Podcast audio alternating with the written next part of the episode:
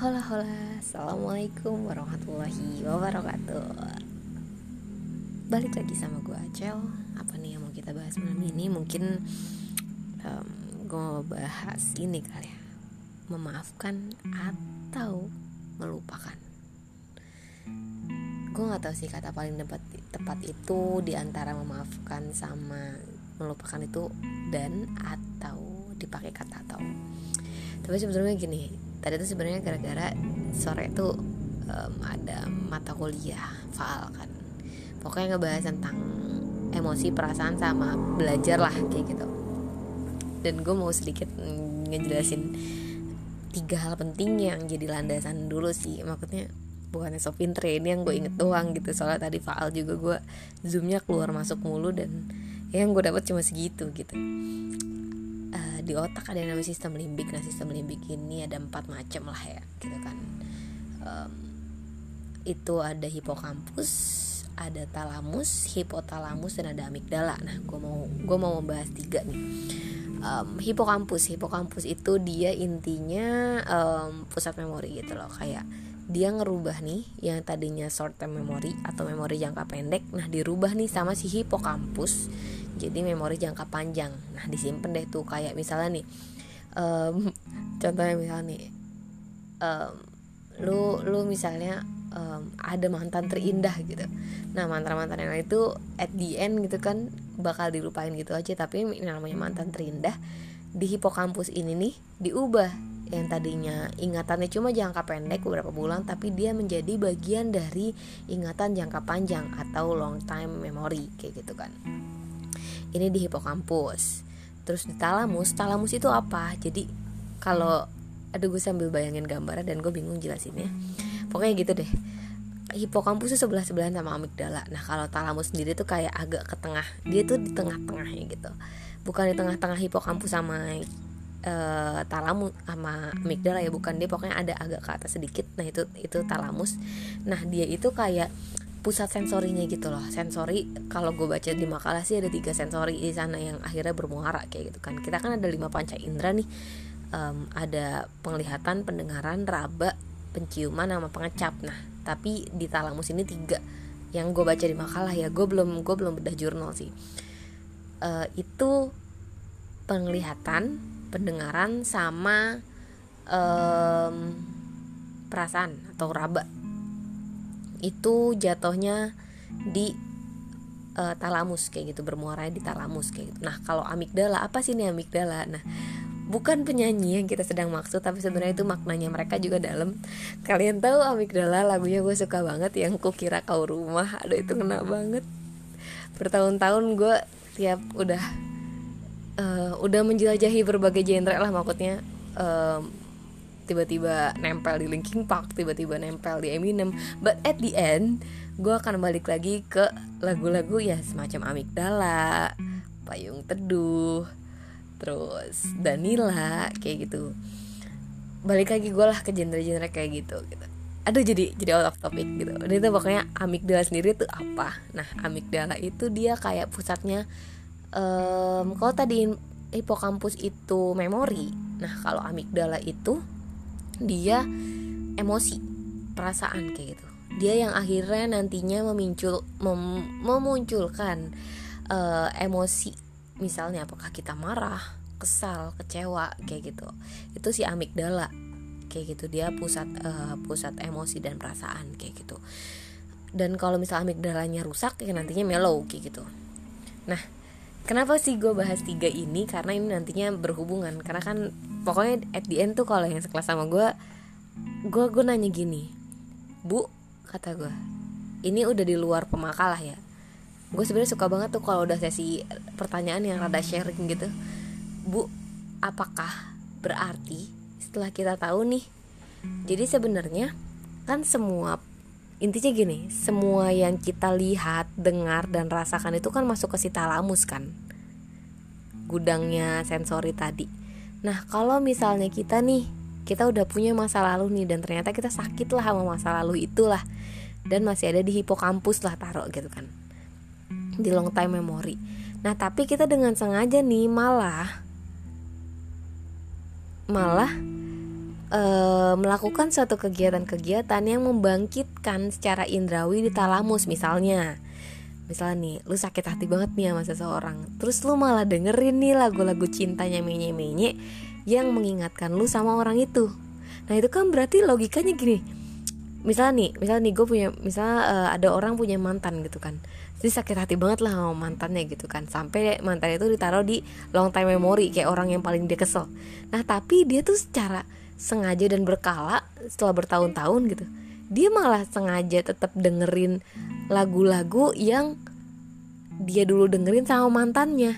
Nah kan itu kan berarti um, ada di ada di ingatan si talamus kan? Berarti kan ada di pendengaran nah itu kan muncul lagi. Nah kenapa tadi gue bahas tiga itu? Karena ya hipokampus dan amigdala itu dia berhubungan. Dan talamus juga kayak gitu. Nah jadi makanya kenapa nih penjelasannya gue kenapa ya udah bertahun-tahun putus kalau kedengeran lagu yang itu lagi? Kok gue rasanya sedih lagi ya atau kangen lagi orangnya? Karena itu gitu. Karena di talamusnya itu sendiri di sensorinya gitu kan ada bekasnya. Dan di amigdala itu saling keterkaitan hipokampus tuh. Jadi nggak bener-bener hilang tuh. Dia berarti udah masuk ke long time memory Nah, lu munculilah lewat si talamus, lewat dengerin lagu-lagu mellow yang lu dulu dengerin bareng dia. Ya udahlah si amigdalanya merespon dengan ya lu mellow, lu sedih, lu kangen itu. Terus gue nanya gini intinya. Nah, kalau kita udah paham itu, terus ternyata kita secara berkala sering pergi ke tempat yang yang mengingatkan kita akan sakit hatinya kita ke orang lain atau sering dengerin lagu yang mengingatkan rasa sakit hati kita apakah itu berarti kita menyakiti diri sendiri bu? Karena kita tahu kita akan sedih setelahnya. Karena kan amigdala keterkaitan tuh. Jadi kita pasti akan sedih kayak gitu.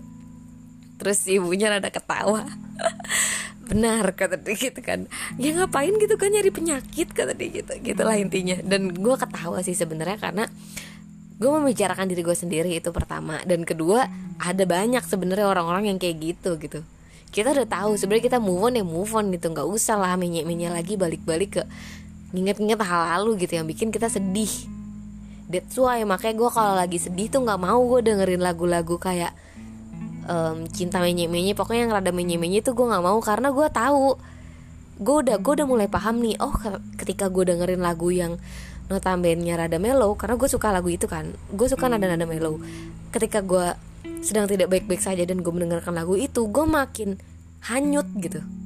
Satu sisi baik untuk uh, men, untuk mempermudah gue rilis perasaan negatif gue sedih kecewa gitu. Tapi di sisi lain gue nggak move on move on gitu. Gue nggak gerak-gerak ke orang yang lebih baik kayak gitu.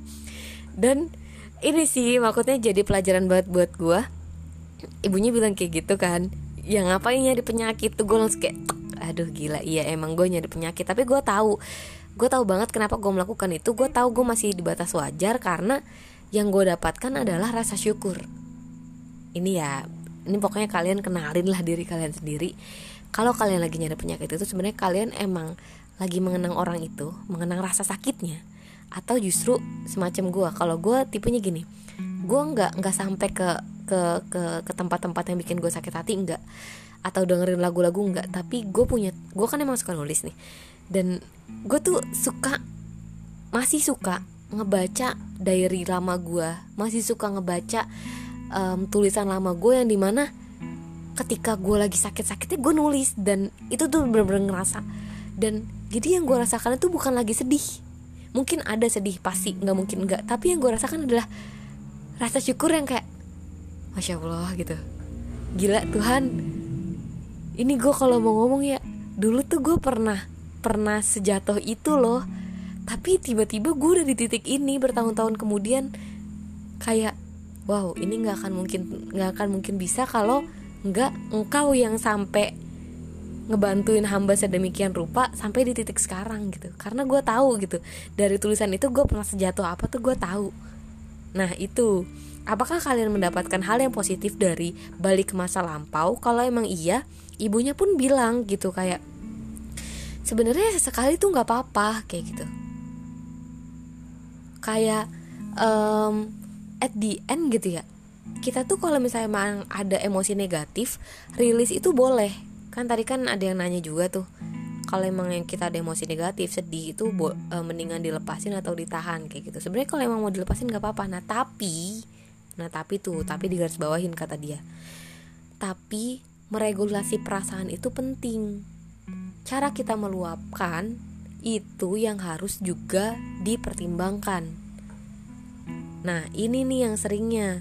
Ketika kita balik ke masa lampau maksudnya kayak pergi ke tempat-tempat yang mengingatkan kita ke seseorang mendengarkan lagu yang ingatin kita seseorang buka lagi buku diary mengingatkan tentang sesuatu itu apakah kita bisa meregulasi perasaan kita? Misalnya nih kita jadi sedih ber, berhari-hari setelah ke sana gitu kan dan akhirnya mempengaruhi kehidupan kita sekarang nih.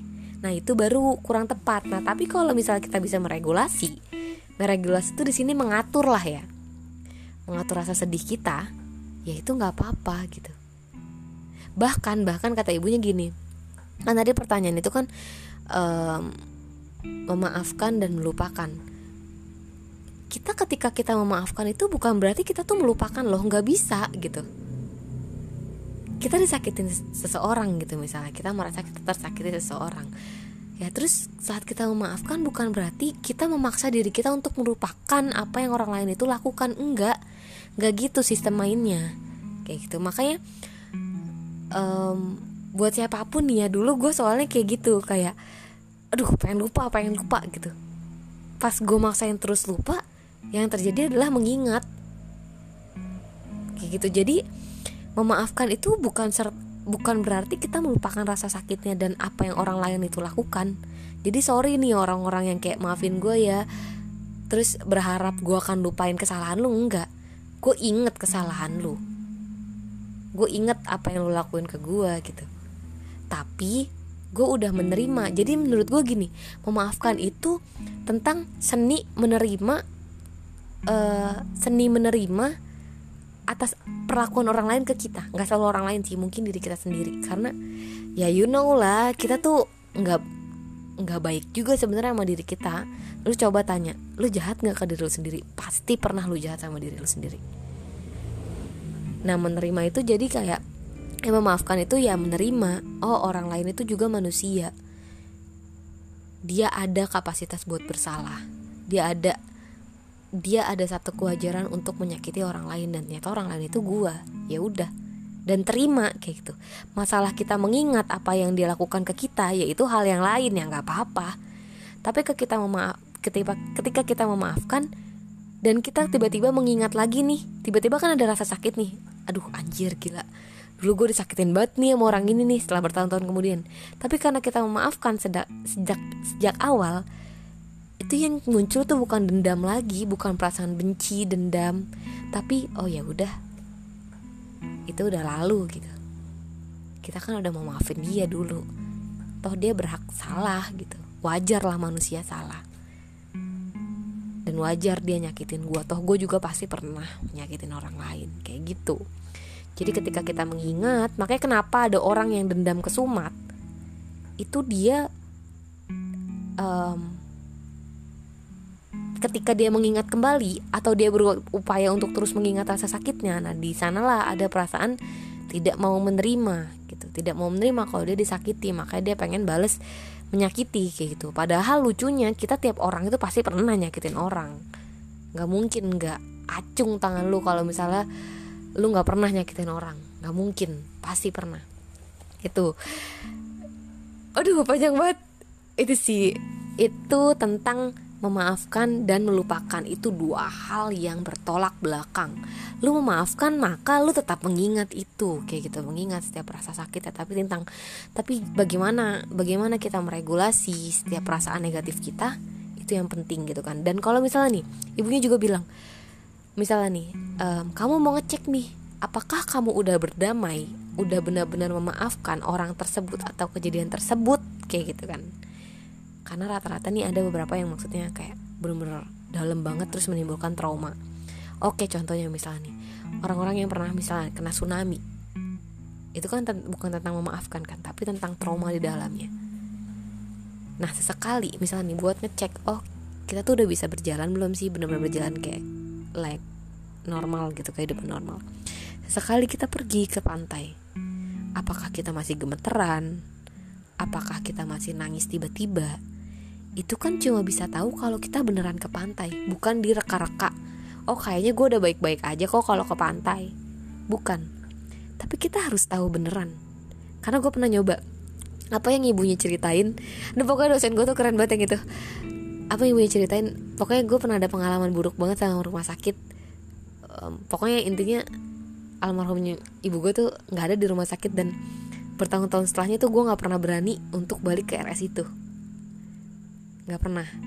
Sampai mimpi gue buat jadi dokter itu gue pupusin. Kayak pokoknya gitulah. Itu ada nanti mungkin mungkin lain waktu kalau emang gue mau kali ya. Uh, pokoknya gitu ada. Dan um, gue tahu gue nggak bisa kayak gini gitu. Karena ya traumanya bukan cuma tentang si RS itu tapi RS RS lain pun gue jadi agak deg-degan kalau ngeliat kalau ngelewatin RS itu bertahun-tahun sih itu sempat bertahun-tahun dua atau tiga tahun gue masih kayak gitu. Dan sampai pada saat itu gue sengaja ketika nyokap gue eh no, no temennya temen gue punya nyokap nah dia sakit dan dirawat di RS yang sama. Itu gue pengen banget um, pengen banget buat ngejenguk dan sekalian ngecek gue udah baik-baik aja belum sih gitu. Nah ini yang ibunya bilang kalau emang kita pengen ngecek apakah kita udah bener-bener bisa berdamai atau enggak datang ke tempatnya itu nggak apa-apa. Itu kan berarti kita tanpa sadar nih bukan tanpa sadar kita secara sadar uh, mengaktifkan kembali segala ingatan buruk kita di tempat itu. Nah masalahnya kita bisa ngeliat nih setelah itu tiba-tiba kita inget nih tek wih gila dulu kita pernah sakit di tempat ini. Sakit banget gitu kan apakah kita nangis, apakah kita benci. Nah, itu kan kelihatannya pada saat itu. Nah, itu maksudnya ibu itu kalau misalnya emang kita mau mau balik lagi ke masa lalu gitu ya atau ke ke ke tempat-tempat di masa lalu itu buat ngecek gitu, buat ngecek apakah kita sudah baik-baik saja atau belum. Itu boleh. Nah, tapi kalau misalnya kayak sampai merusak kehidupan kita saat ini itu yang harus dikhawatirkan. Itu. Dan gue ketika itu pada endingnya gue gue coba buat jujur pada saat itu gue sendirian gue sendirian buat ngecek lah buat ngecek apakah gue baik-baik aja gue ke RS itu.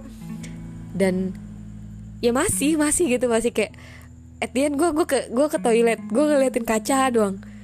Kayak terus endingnya gue pulang gue nggak jadi jenguk gue inget banget. Gue jadi gue endingnya cuma gue gue cuma ke RS itu doang gue cuma ke RS itu doang gue nggak jadi jenguk gue balik. Sesimpel itu dan ternyata gue masih kayak udah agak baik-baik aja tapi belum sembuh total. Kayak gitu itu sih. Tapi untuk untuk sekarang sih untuk sekarang udah oke oke aja sih. Udah oke oke aja alhamdulillahnya itu dan itu lama banget sih gue gue sekarang udah ditinggal nyokap berapa tahun ya? Lima, lima kayak lima. Dan baru udah baik baik aja tuh itu. Dan kayak banyak banyak trauma yang kayak sekarang gue paham kenapa kayak um, kenapa justru banyak hal yang gak pengen kita inget tapi justru kita inget karena tadi. Justru kalau misalnya ada sebuah ingatan yang ada emosi di dalamnya entah misalnya nih kita senang banget jadi kita inget entah kita sedih banget jadi kita inget jadi makanya kenapa kayak e, trauma buruk nih atau kejadian buruk itu lebih tetap kita ingat meskipun kita pengen lupain banget karena ada emosi di dalamnya kayak gitu. Sedangkan si hipokampus tadi yang buat uh, ngerubah dari ingatan jangka pendek ke ingatan jangka panjang itu sebelahan banget sama amigdala yang pusatnya perasaan. Itu sih gue paham kenapa. Kayak gitu. Gue paham kenapa saat kita pengen ngelupain kejadian buruk justru susah karena ada emosi di dalamnya. Jadi sesuatu segala sesuatu ingatan yang ada emosi di dalamnya terutama emosinya pekat banget itu bakal kita inget itu. Makanya kenapa kayak hal-hal pertama tuh sering banget kita ingat? Kayak uh, misal jatuh pertama kali, naik motor pertama kali karena ada feel di dalamnya. Atau ketika ditinggalkan oleh seseorang pertama kali siapa pun itu entah ditinggalkan pacar, entah ditinggalkan orang tua, meninggal segala macam itu kan kita ingat karena ada emosi di dalamnya kayak gitu. Itu sih dan di sini pentingnya adalah tentang meregulasi, meregulasi perasaan lu sendiri, mengatur perasaan lu sendiri. Dan kalau ditanya bagaimana itu semua orang beda-beda. Beda-beda men. Mau lu mau lu jedah bedah jurnal kayak gimana mau lu minta pendapat kayak gimana tiap orang beda-beda. Dan tergantung diri lu sendiri cara mengaturnya itu bagaimana. Makanya kenapa penting banget buat mengenal diri sendiri itu di sana kayak gitu. Karena kita yang tahu ngerem pas lagi sedih gimana, ngeluapin kesedihan gimana, ngendaliin amarah itu gimana itu cuma diri sendiri doang yang paham. Aduh, jadi kayak ini tapi kenapa gue berani ini? Karena gue pun merasa gue udah sedikit demi sedikit bisa, bisa dan masih belajar. Jujur gue masih belajar kayak sebenarnya masih banyak banget yang hal-hal yang kadang ketika gue ngerasain gue nggak bisa gue nggak bisa gue nggak bisa ngedefinisin gue merasakan apa itu masih banyak banget. Dan ini butuhnya orang lain ini butuhnya temen yang yang kadang gue tuh kadang gue gini kadang gue cerita ke orang lain itu emang pengen didengar atau kedua kadang emang gue butuh buat dibantu gue tuh lagi kenapa kayak gitu. Jadi gue cuma ngera gue cuma nyeritain nyeritain ya apa yang gue alamin aja gitu. Terus nanti orang lain itu atau temen gue itu kayaknya kamu gini deh cel. Nah baru tuh gue kayak tek. Oh iya ya. Ini namanya ini ya. Kayak gitu. Nah makanya kenapa sih um, bersyukurlah buat kalian-kalian yang emang punya teman yang objektif yang punya teman misalnya pinter. Bukan cuma tentang pinter itu nggak selalu kayak lu harus kuliah atau lu atau lu cuma lulusan SMA dan lu gak pinter nggak gitu gitu. Itu nggak nggak se nggak secetek itu. Banyak kok orang banyak orang anak kuliahan yang nggak memahami apa ilmu yang dia pelajari itu banyak kayak gitu. Jadi bersyukur banget sih kalau kalian punya teman-teman kayak gitu dan kalau bisa kalian menjadi kayak gitu. Menjadi orang yang um, emang bisa ngebantu orang lain buat mengenali dirinya gitu. Ya tentunya tetap kita harus berupaya mengenali diri kita sendiri. Um, itu sih karena ah nggak tahu deh itu aja